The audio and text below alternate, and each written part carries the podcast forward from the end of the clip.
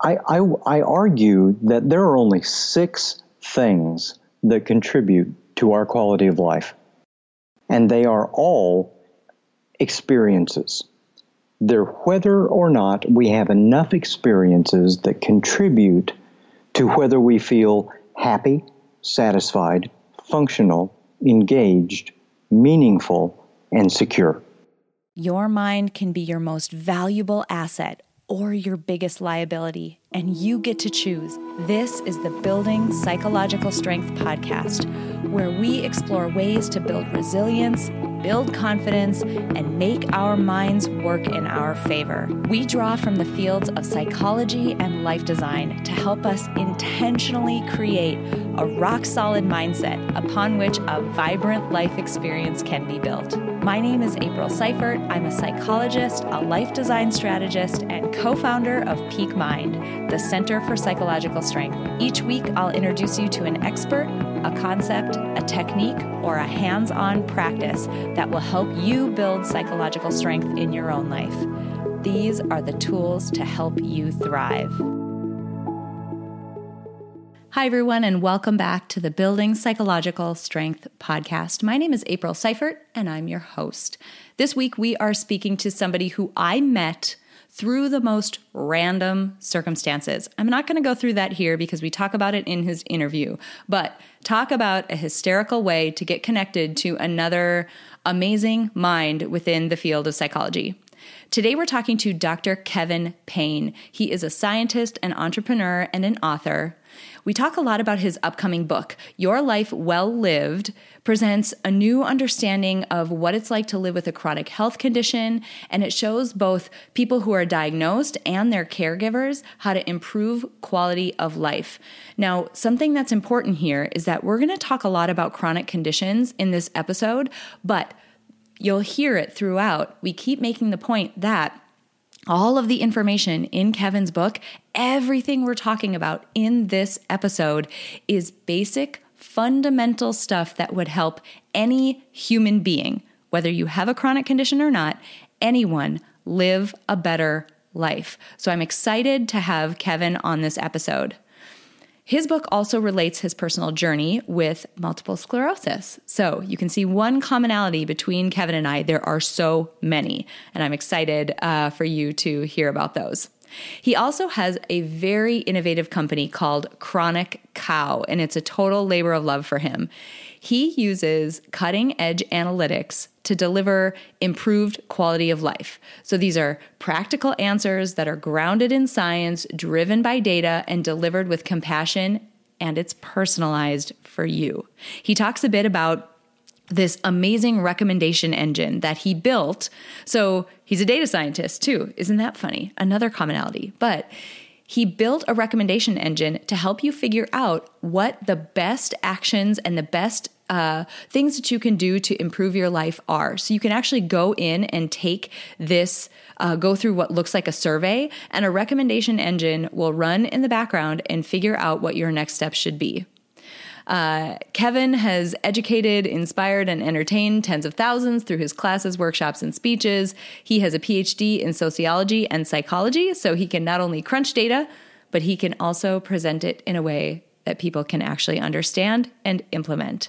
I'm so excited for you to hear from Kevin. He's had 15 years as a professor, and he ultimately left academia to pursue a life of ser- serial entrepreneurship that is all focused around helping people live well.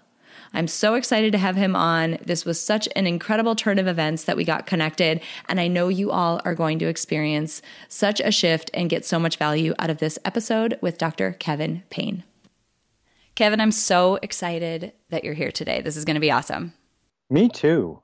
Uh, we we have so much to talk about that uh, I, I, my mind is a whirl. I know, I know. I think it's going to be tough to keep this one reined in. Uh, I feel like I need to be transparent about how we met with this audience because it is hysterical about how all this happened. Can you talk about how, because you originally through some Google searching found me. What led you like what were you searching and how did you find me? well, I was I was uh, doing a, a, magazine interview for uh, uh, that was about people who skydived with chronic illness. And afterward, I got curious and I thought, well, can I find other people with multiple sclerosis who skydive? So I did a search and there was a bunch of garbage.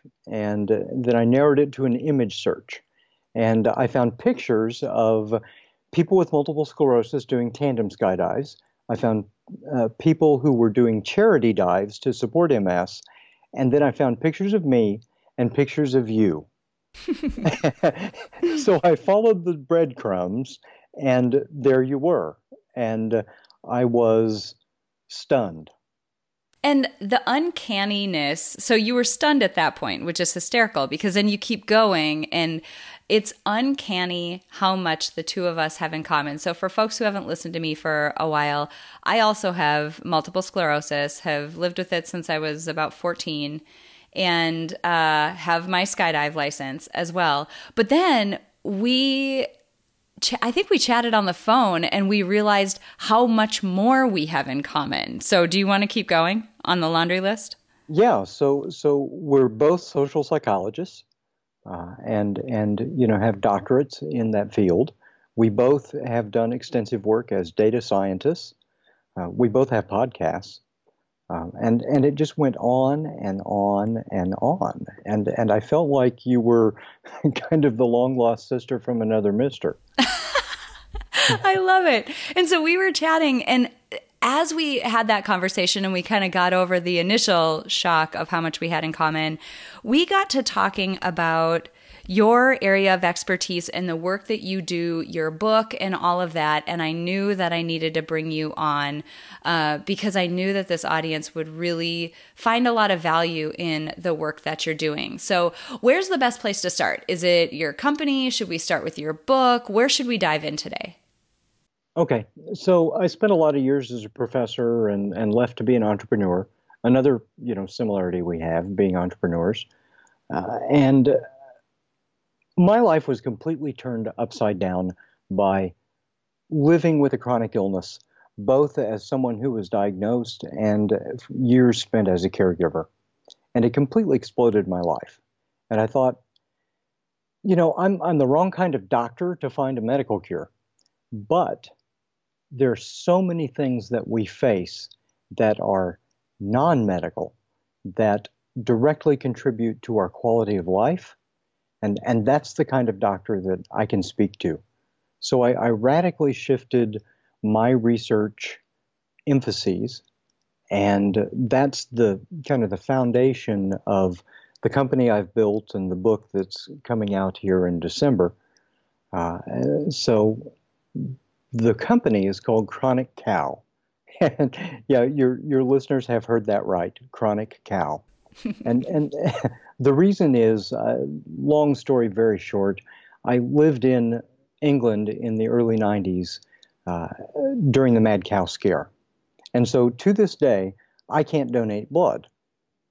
Mm, yeah, there's the question on the blood donation. Have you lived in England? And they give you a time frame. That's funny. That's right. Okay, got and, it. And so it became a running family joke that I would get variant Creutzfeldt-Jakob disease, mad cow. And, you know, in poor taste, but still, it was funny, and it and it was you know kept on. So when I was diagnosed with MS formally, after years of dealing with neurological weirdnesses about the edges, my kids were really little. So I came home and I set everybody around the table and and explained to them what had happened, and they were really quiet. And then one of them leaned over to the other and said, Daddy got the cow. I love kids. That's hysterical.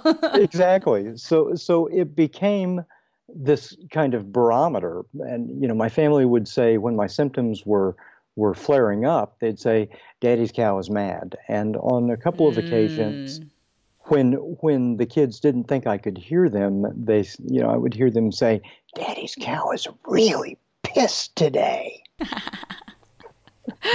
That's awesome. That's so, so awesome. Yeah. So so there's that personal story, but then, you know, from from a, a broader perspective, I named the company Chronic Cow because so many people that I have tried to help over the years uh, have, you know, they they they live with this idea that there's a monster that's been dropped in their body with them, and they frame their lives as a constant fight. And if you frame your life as a fight against a monster, you will never win. So it's not a monster, it's a cow. She's big, she's bulky, she's smelly, she gets in the way, but you can handle a cow. Hmm. That's amazing. That's amazing. Can you dive into that a little bit? I it's um actually before we go there, let me make one point.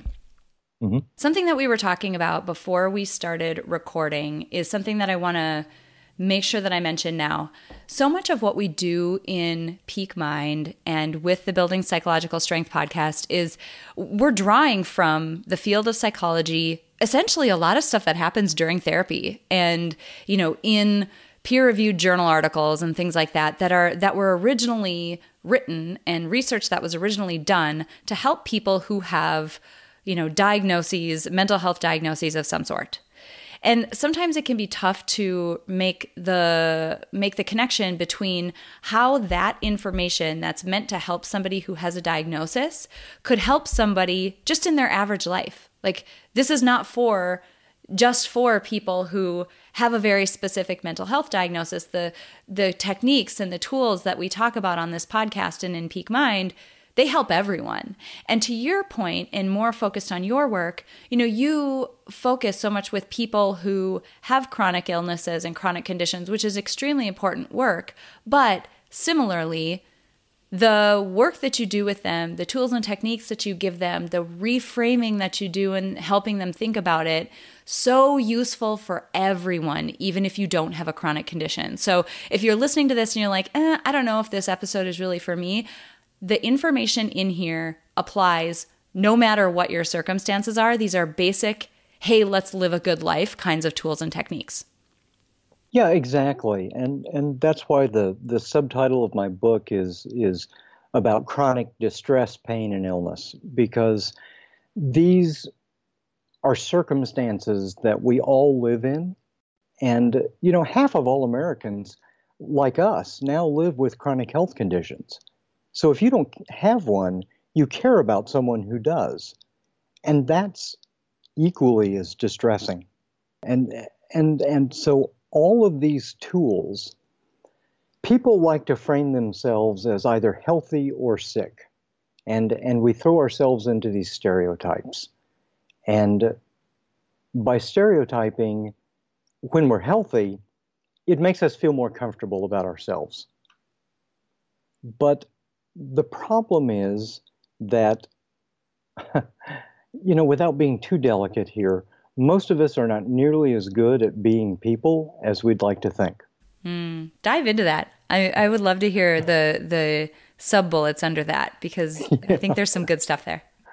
They, uh, we, we have a an inbuilt bias, which is is well understood through research, where we we see ourselves usually a little more positive than we should. We're, we're, and there are a lot of good reasons for that because that is a source of resilience for us and it keeps us motivated to keep trying in the face of failure. But in surveys, 70, 80% of people will identify that they are above average. Well, that's impossible. I mean, maybe not everyone is, but I definitely am. I'm just kidding. Well, Keep going. I, I, I, completely understand that, and that's because you and I are so similar. Keep going. Sorry. No, that's fine. That's fine. Uh, so, so I really, you know, like to focus on on this idea that we set such high standards for ourselves sometimes that rather than acknowledge that that we all are too human and fail all the time, uh, we we reframe a, a fictional interpretation of that reality, and and and that makes us satisfied, it makes us happy uh, for a time, but it's still not true. And if if we learn to approach ourselves with a little more grace and kindness, uh, then we can face those those shortcomings, and we can really work to, you know, often just accept them because we don't have to be great, we don't have to be perfect at everything. We we need to to give things a shot. We need to understand that, you know, in my book I, I talk about this thing I call the the edge, and the edge is where the capacity that we can deliver is approaching the demand of the circumstance in front of us. Mm. So it could be a physical task, it could be emotional, it could be cognitive, it could be social in a relationship. But but all of these things have an edge. And and when we get there, we're going to fail. Because be, because the edge is is where pain, fear, risk and danger reside but it's also where we're most truly alive. Mm-hmm. Joy, love, growth, and learning are also found there. And, and so when we get to that current limit of our abilities and experience, we should celebrate that because we're being brave enough to, to tackle that edge. And that's where learning and strength and growth happen. I couldn't agree with that more. I'm standing over here like wanting to jump up and down and cheer and high five you through my computer. Um, it's interesting because number one, I think people underestimate where that edge is because our natural inclination to be afraid and mitigate risk kicks in quickly yes. as we start to approach the edges, or even like think about approaching the edges of what our comfort zone is, that fear response kicks in, and we don't realize that we do have a bit more gas in the tank, but without and, and without bumping up against that edge, which I love that terminology, without bumping up against that, as you mentioned, growth can't happen. You have mm-hmm. to get to the point where you've fatigued what you are capable of doing for your body to it, it's like building a muscle right that's why exactly. we call this building psychological strength it's a set of exercises very intentionally um, using the analogy of physical exercise this is mm-hmm. a muscle i'd love to hear your perspective on this because i know you've written on this in your book yeah and, and you're exactly right I, I begin with that analogy because people can understand lifting weights, for example. They, they know that when we stress our muscles just a bit, and then we relax and we allow ourselves the time and the resources to recover, we come back stronger. In the same way, if we do not cognitively stretch our boundaries in the same way, I mean, when you try to learn something new, you fail a lot. And and that's okay because you're you're learning and you know people people succeed once and they think woohoo I've got it and they forget that one sign that you are at an edge is that your performance becomes erratic you succeed you fail you succeed you fail and and and you go about until you have developed enough that performance at that level is no longer at your edge, but mm. within your comfort zone. Mm-hmm. And I, we do that. Yeah, I mean, it's emotional, it's in relationships too. I totally agree. I have an analogy actually that I, I a better podcast host would just know the numbers of all of their episodes. I don't. I'm not that good. But a previous episode, I'll link it up in the show notes. I'll find it and link it up on on the show notes page. But I gave the analogy talking about this exact thing, like trying to stretch your comfort zone, where that learning happens. The analogy I gave was when I was a kid. I used to go skiing a lot, which is funny because I'm from North Dakota, but there actually was a hill that you could ski down. so there was a hill big enough. Uh, and I was trying to get better. And I remember one day I was talking to one of the ski coaches out at this hill, and I said, Yeah, I'm really working on getting better, and I'm trying to um, really improve this winter. And he asked me the most interesting question. He said, Oh, great. How many times did you fall today?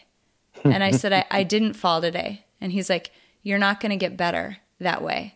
He said, You need to get yourself to the point where you're going on runs that there's a chance you're going to fall because that run is slightly harder than what you were able to do when you showed up here today. Mm-hmm. And I was like, man, this guy's totally right. Falling doesn't mean you're failing. Falling doesn't mean you're bad at it. Falling means you're on a run that's a little bit harder and you're getting used to it. That just like slapped me in the face when I was a kid and it stuck with me ever since. Yeah. Falling means you are pushing your boundaries. And that's a good thing. Because if we're not growing, we're dying. I mean, living organisms are like that. If we're not growing, we're dying. I love that. Life can be so much more than simply going to work and waiting for the weekend. But deep down, you already know that. You know that life can be so much more vibrant. You know you were made for more than just passively going through the motions. You know you can thrive, but to do that, you have to start from the inside out. And that is why I'm so excited to announce that for a limited time, we're offering you the opportunity to join us in the Peak Mind membership for only $1 for your first month. That's right, $1 to join us in the full Peak Mind membership. All you have to do to take advantage of this amazing offer is to visit us at www.peakmindpsychology.com, click on the membership, and enter the code THRIVE at checkout. Think about it. We all know what we need to do to keep our bodies strong. But what about our minds? What if you had the tools to build the psychological strength confidence, and resilience to help you thrive at work, at home, and in the rest of your life? What if you made the commitment to living your life by design and not by default? All of this is possible. The goal of Peak Mind, the Center for Psychological Strength, is to help you build the mental toughness, flexibility, and resilience to thrive in your life. We draw from the fields of psychology and life design to help you intentionally create the vibrant life experience you know is possible. Through live online workshops, a 24 7 on demand library, expert interviews, and monthly challenges, our members are building the psychological strength that it takes to thrive through life's ups and downs. And like I said, you can do it too. For a limited time, we're offering you the opportunity to join us for only $1 for your first month. Just visit www.peakmindpsychology.com, click on the membership, and enter the code THRIVE at checkout. Your mind can be your most valuable asset or your biggest liability, and you get to choose. So, what choice are you making? Join us in the Peak Mind membership before this amazing offer goes away. I want to make sure we get the full title of your book in here because I don't think I've done a good job of doing that. Your full book is called Your Life Lived Well The Science of Crafting a Good Life Under Chronic Distress, Pain, and Illness. So maybe we can kind of hit this from a couple of sides. Um, I'd love to focus for just a moment on people who have chronic illness? Because you made an interesting mention before about how you know there is not a monster inside you that you're trying to fight. And you've done this work with people who have had who have chronic conditions for so long. I'd love to hear your thoughts about you know what are those factors that help somebody who has a chronic condition help them live well um, knowing that they have a bit more uh, to manage maybe in their day to day life. And you certainly are a great example of that. And, you know, I am as well. Skydiving, when, you know, you have a neurological condition that adds some complexity to an already complex sport. So, would love to hear thoughts on, you know, for folks listening who might have a chronic condition, things that they need to know that are in your book that could help them live well. Sure. Um, and you know, skydiving is a perfect example of that sort of thing. And and for me, that's where I found my edge, right? But that doesn't mean everybody needs to go that far out to find it. There are other things in my life that seem very normal that are edge experiences for me. And and the first issue that that people in these circumstances need to understand is that your edge is wherever your edge is right now at this moment. And There's no shame in wherever that is. I know one of the things that that many people with chronic illnesses, myself included sometimes, find frustrating is that our edge is a lot further in than we than where we think it should be. Everybody else is normal, or I used to do this all the time, and now you can't. Well, you know, cognitively that's not at our edge, but maybe behaviorally it is. Maybe we don't have the coordination uh, at this particular time, or maybe our our you know we're dealing with so much pain or or whatever it is. It's it, be, because to do something, you know, to engage in any action, it kind of has to pass through each of those gates. It's got to go through cognitive and emotional and behavioral and physical and often social gates. And so it may be something that's socially easy for you to do and cognitively easy for you to do, but emotionally, you're at the edge. That's your bottleneck at that point. So we have to become more intentional and more purposeful and, and really develop the skills of observing ourselves. And we're not normally trained how to do that. Uh, you and I were trained how to do that because that was part of the kind of, of academic training that mm-hmm. we went through. Mm-hmm. But that's not a typical thing. We're, we're mostly on autopilot as we move through life.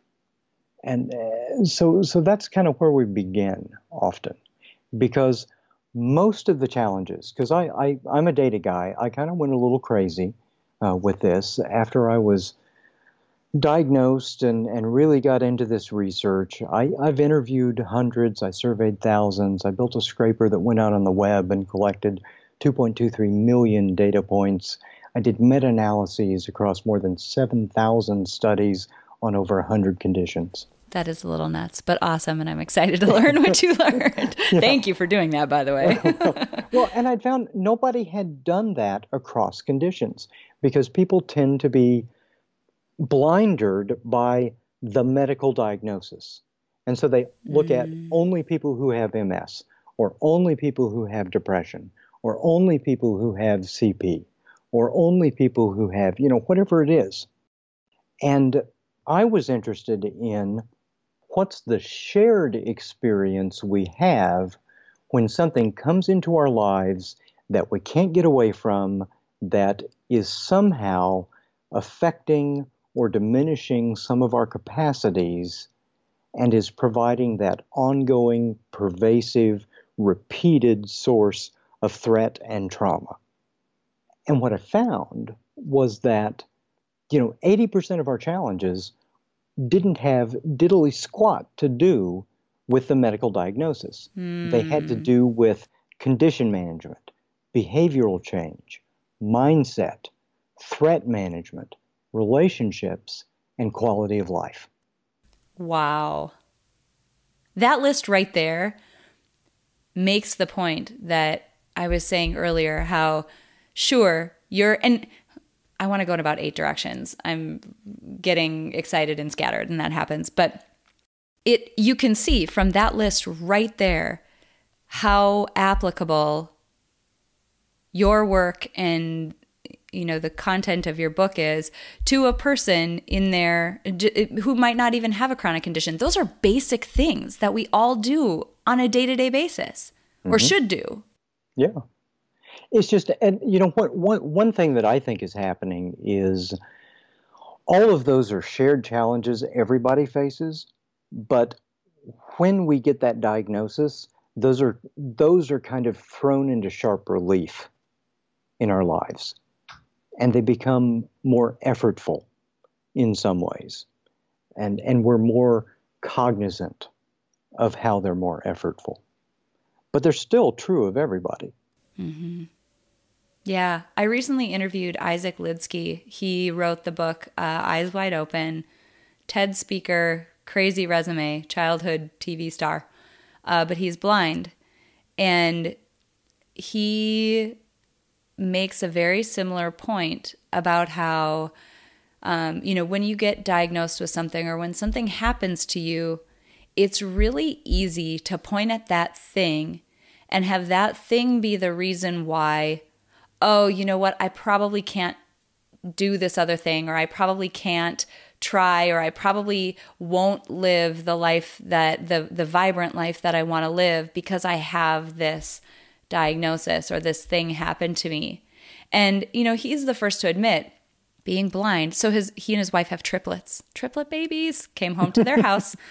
uh, let's all take a moment of silence for them. Only um, one at a time. Oh man, goodness. I know, but um, and that's that's a challenge. Triplets are a challenge in and of themselves, but having triplets when you can't see is another challenge. And he'll fully admit it is harder for him than another person. But he also said I had to make a decision that doing this was important to me. Maybe I have to do it differently. Maybe I'm not going to do it in the same way or as perfectly as somebody else, but being involved is important to me. And those values and the things that we care about, really what we're getting at here, it's underlying desires of being a human being. And that's why I, I would argue the diagnosis doesn't matter, or the fact that you have a diagnosis doesn't matter. The fact that you're human with a mind that evolved in the way that our minds did and works in the way that it does in this modern world, that means all this stuff applies to you. Yeah, exactly. And, you know, quality of life was one of those things on, on my list the, of the challenges that we face. And digging into that just a little bit further, I, I, I argue that there are only six things that contribute to our quality of life. And they are all experiences. They're whether or not we have enough experiences that contribute to whether we feel happy, satisfied, functional, engaged, meaningful, and secure. And that's it. Consistently, if you interview people about what makes them feel good about their lives, they, they share that they're having enough experiences that fulfill those fundamental things. And, and they're not hierarchical. They, you know, which one is important to you or to me might differ. Uh, like for me, I, I have a, I have a creepy high tolerance for risk. So the security stuff doesn't necessarily resonate as high with me. I mean, I need some. All of us need some. But the but the one of those six that that really resonate from from my quality of life is the meaningful one. I, I really feel like I, I, I have this this feeling I've been so fortunate in my life to to be able to get a lot of education and to spend my life doing what I love studying people and trying to figure us out. And, and I feel like that incurs a burden to do something useful with it. And not a burden in a bad way, but, but you know, this is, this is something that, that I feel really compelled to do. You know, the Seligman in a lot of his positive psych work talks mm-hmm. about the the notion of living well, right? And so many people focus on positive emotions, happiness and joy. And that's right. where they stop. And he said he makes this this funny comparison because he said if all that mattered was positive emotion, no one would ever have kids. Because mm-hmm. by far and away this happens after you people who have kids and compared to people who don't, people who have kids have less positive emotion. But yes. where things balance out is on that meaning side. You're mm-hmm. contributing to something that is important and bigger than you. I think I was profoundly affected. I had a, a, a really unusual undergraduate program, and, and it started with two required seminars, and they were both on the question what does it mean? You know, so first semester freshman year, and, and they were weed out courses. And the idea was what does it mean to live a good life? And one of the seminars was focused on ancient Greek thought, you know, classic Greek thought uh, about eudaimonia. what is the good life? And the other one was Renaissance and Reformation thought on that. And I have been stuck on that question for the rest of my life. You know, for 30 years now, I've been stuck on that question. What does it mean to live well? Have you come up with a working definition? Um, you know, for me, it goes back to those six things mm-hmm. that, that I was talking about, and it's and it's not about money. It's not about superficial things, and that's you know one of the other challenges that we face. We each of us has within us a society of mind, and so we've got lots of different voices in our heads, and some of those are really primal, and they're really early. So what do I mean by that? By primal, I mean they, they came along very early in our evolutionary course. And so the, those very early voices are, are somatic responses. They're about pain and pleasure. And then the ones that came along a little later were about emotional responses. And, and the, so they add a little bit of nuance there. The, each, each level then is, is tuned to parsing a different signal from the world. So then later on, we developed, you know, higher order cognitive functions and so forth. Similarly, as, as individuals, we start off as little leaky globs and and and we cry and we and we coo and and we learn that we can manipulate the world in different ways and and get what we want and get and get away from things that we don't want and we build and we build and we build well, when we are overwhelmed or bored or distracted, those early and primal voices are the ones who are driving.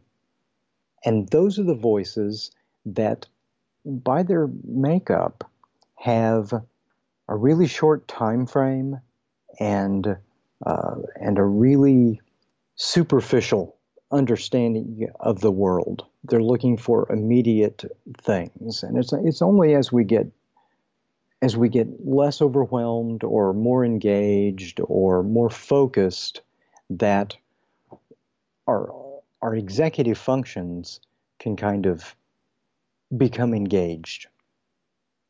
And so often we we we do something that later on we think, well, that was kind of stupid. Well, it wasn't stupid in the moment because the part of you that was driving was someone was a part that that thought that was a really good idea. You know? That's an amazing way to you mentioned earlier give yourself a bit of grace and kindness. Mm-hmm. It's it's like a recognition of the fact that you're human. Guess what? You're human. You have these instinctual emotional responses. To your point, they're stronger, louder, and more provocative when you're tired or distracted or overwhelmed or one of you know one of the above you you aren't mm-hmm. completely mm-hmm. on your game and we all you know we all fall prey to those urges and impulses and instincts just because we're human that's one thing that makes us such a kooky little animal you know we just we have these um, these instincts that are very strong and they're very old and they just take over sometimes. Well, we did. We there's no shame in admitting that we're just uppity animals that are trying to make sense of the world. That's a perfect way of describing it. That is so perfect. So, you know, for people who are listening to this, do you have some um, I guess, some actionable, tangible things. Like if you could look at someone in the eye who's listening to this right now and almost prescribe something or a set of things for them to do that could, you know, make a near term difference that could help them live a better life. What are those few things? Like, what would you go have people do to take away from the work that you've done? Well, so I'll say two things here. One is that for each of us, the answers are different. And that's what my company does. Actually, I, I, developed a set of analytic models that that screen people to identify, uh, you know, this is the most likely thing you should do. Let me give you a concrete example. So somebody comes along and they you know, they, I, I said earlier that, that a lot of the challenges we face amount to behavioral change or mindset change. Well, there are 150 different ways to change a behavior. And all of those techniques work for someone, but only some of them will work for you. And the problem is that the way that we approach it normally is really haphazard. You know, your sister gives you one bit of advice, your your hairdresser gives you another, your second cousin's, you know, uh, handyman says something else. And so we, we grasp at straws. What we need to understand is that a lot of these methods of behavioral change depend on personality traits, they depend on circumstances, they depend on things that we can identify. And that if we, we know, we can be pointed toward. So, one thing that I want to help people understand if they if they feel as if they can't change, they can't make an improvement, that's not their fault. The the problem is that there are a whole lot of different possibilities out there, and they just need to be connected with the right one. So you can think of it as a recommendation engine, mm, right? I love that. And and you know so and I don't know anybody who's constructed a a recommendation engine and matching algorithms for behavioral and mindset change. And and so that's what the company does.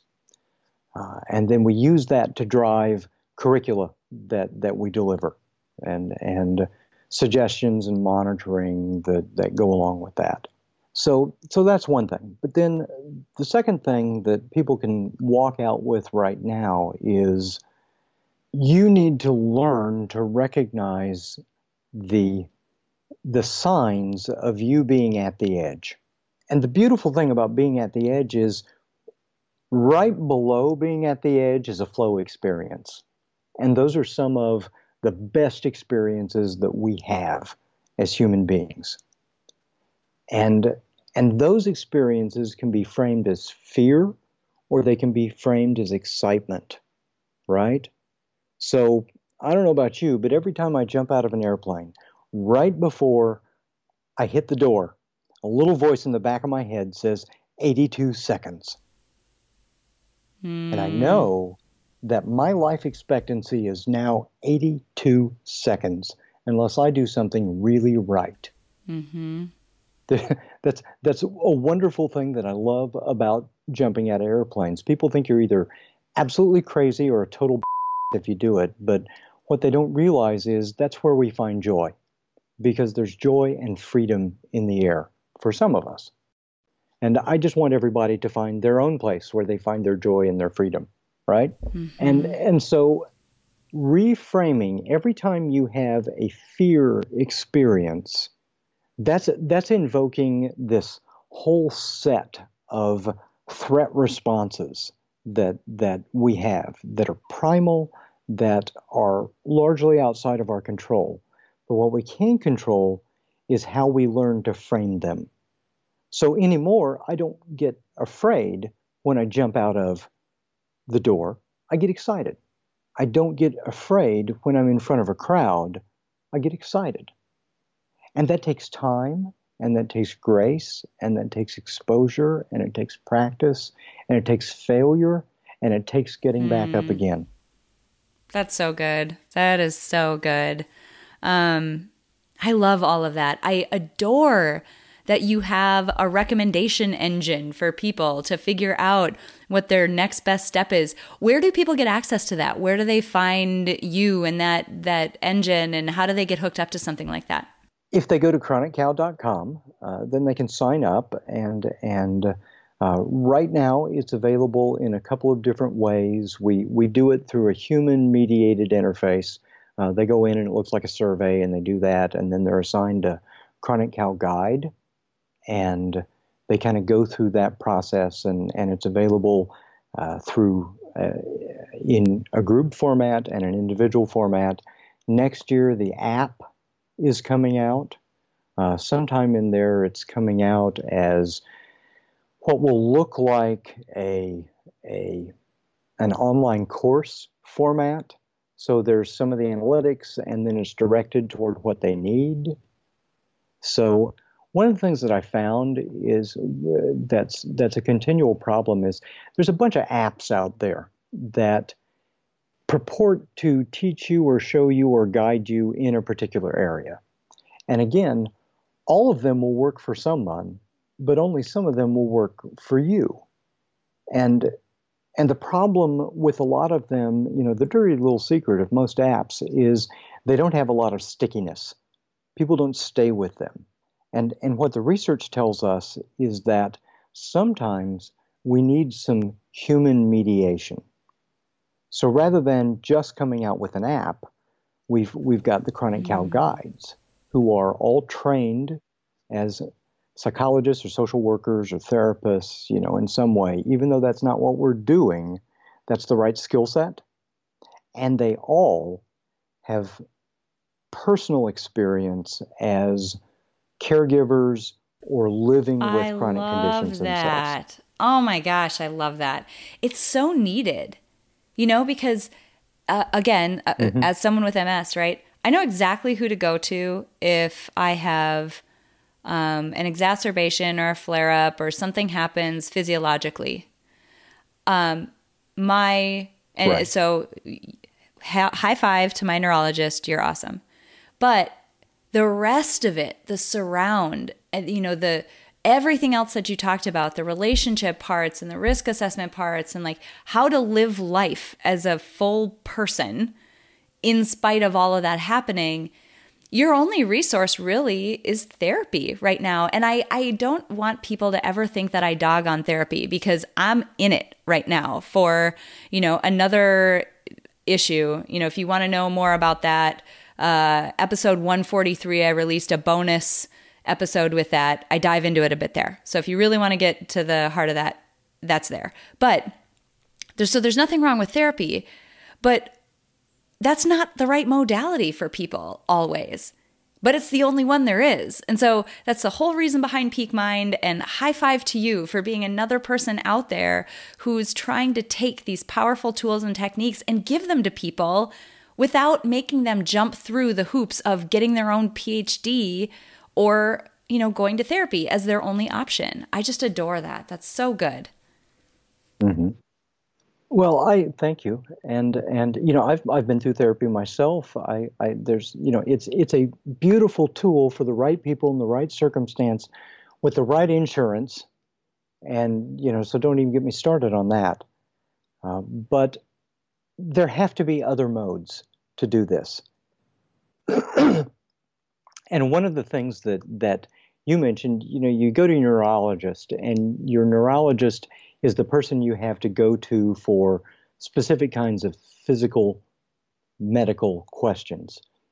But one of the challenges that, that we face is that your medical health professional becomes the face of the entire system when you have questions.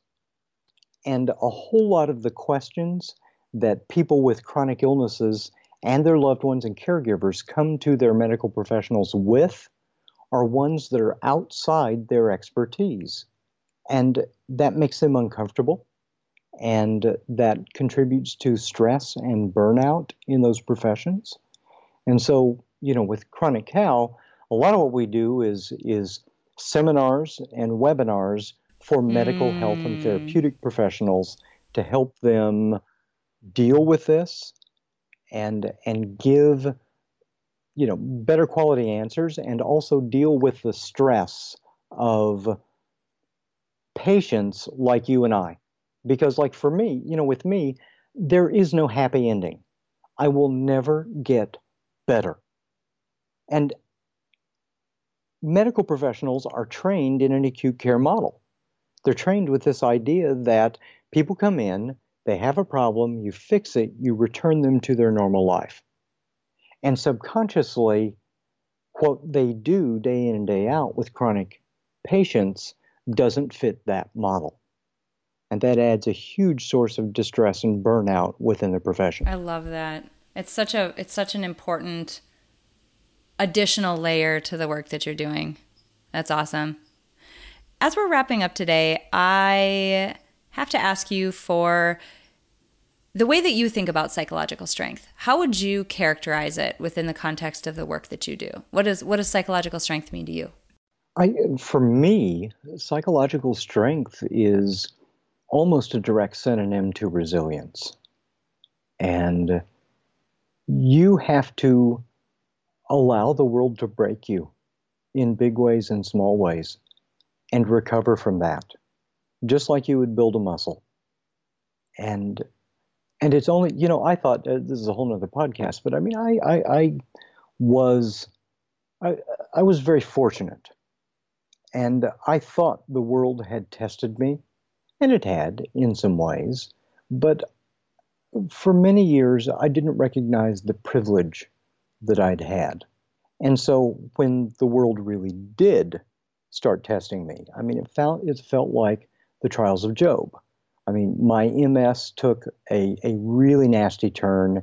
It was a right frontal temporal lesion, and you know what that can do. And, and I thought I had lost myself and I would not come back. And I, you know, I was dealing with that in the midst of you know, my then wife who uh, was dying of cancer, and we were uh, doing it in in the midst of being an entrepreneur and not having a a steady safety net around us, and having little kids and yada yada yada, and you know, it just went on and on.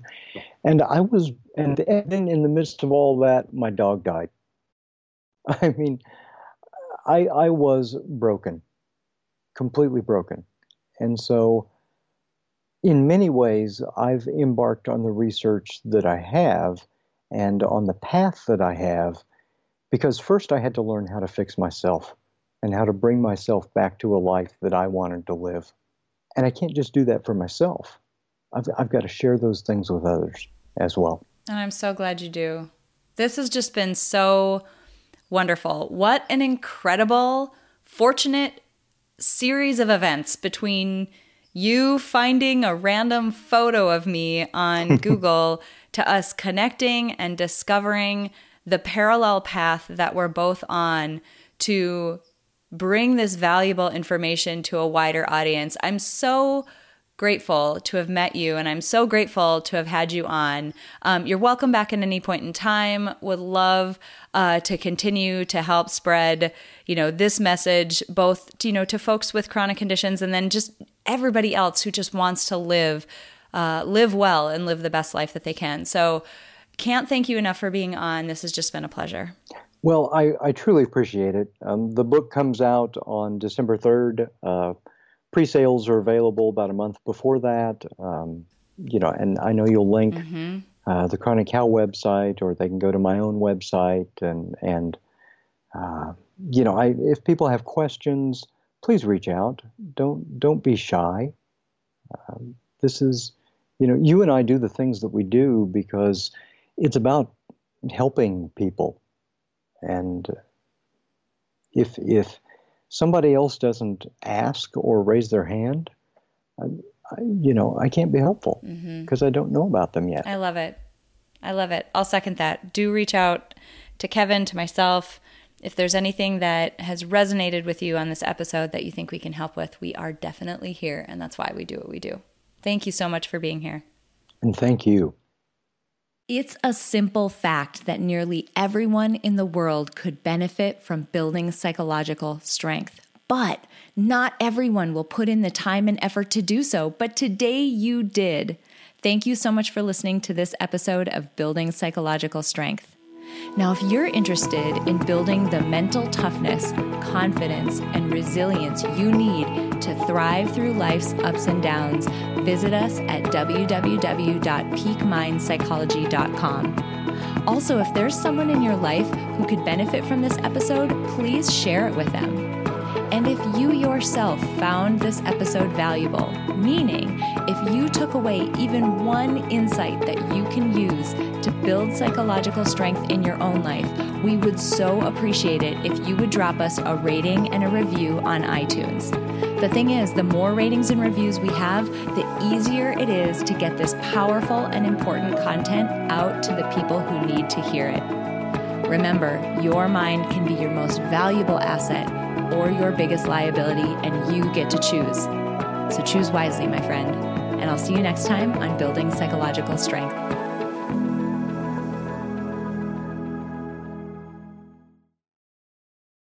At Parker, our purpose is simple we want to make the world a better place by working more efficiently, by using more sustainable practices, by developing better technologies.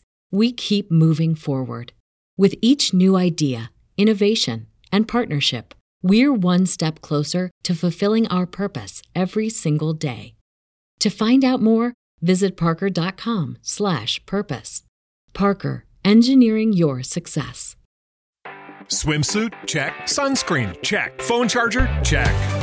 Don't forget to pack the 5 Hour Energy. It fits great in a pocket or carry on, and the alert feeling will help you arrive ready for anything. Now get 20% off when you use code 5HE Travel at 5hourenergy.com. Expires April 30th. One time use only, not valid with other discounts. Remember, visit 5hourenergy.com and use code 5HE Travel to save 20%.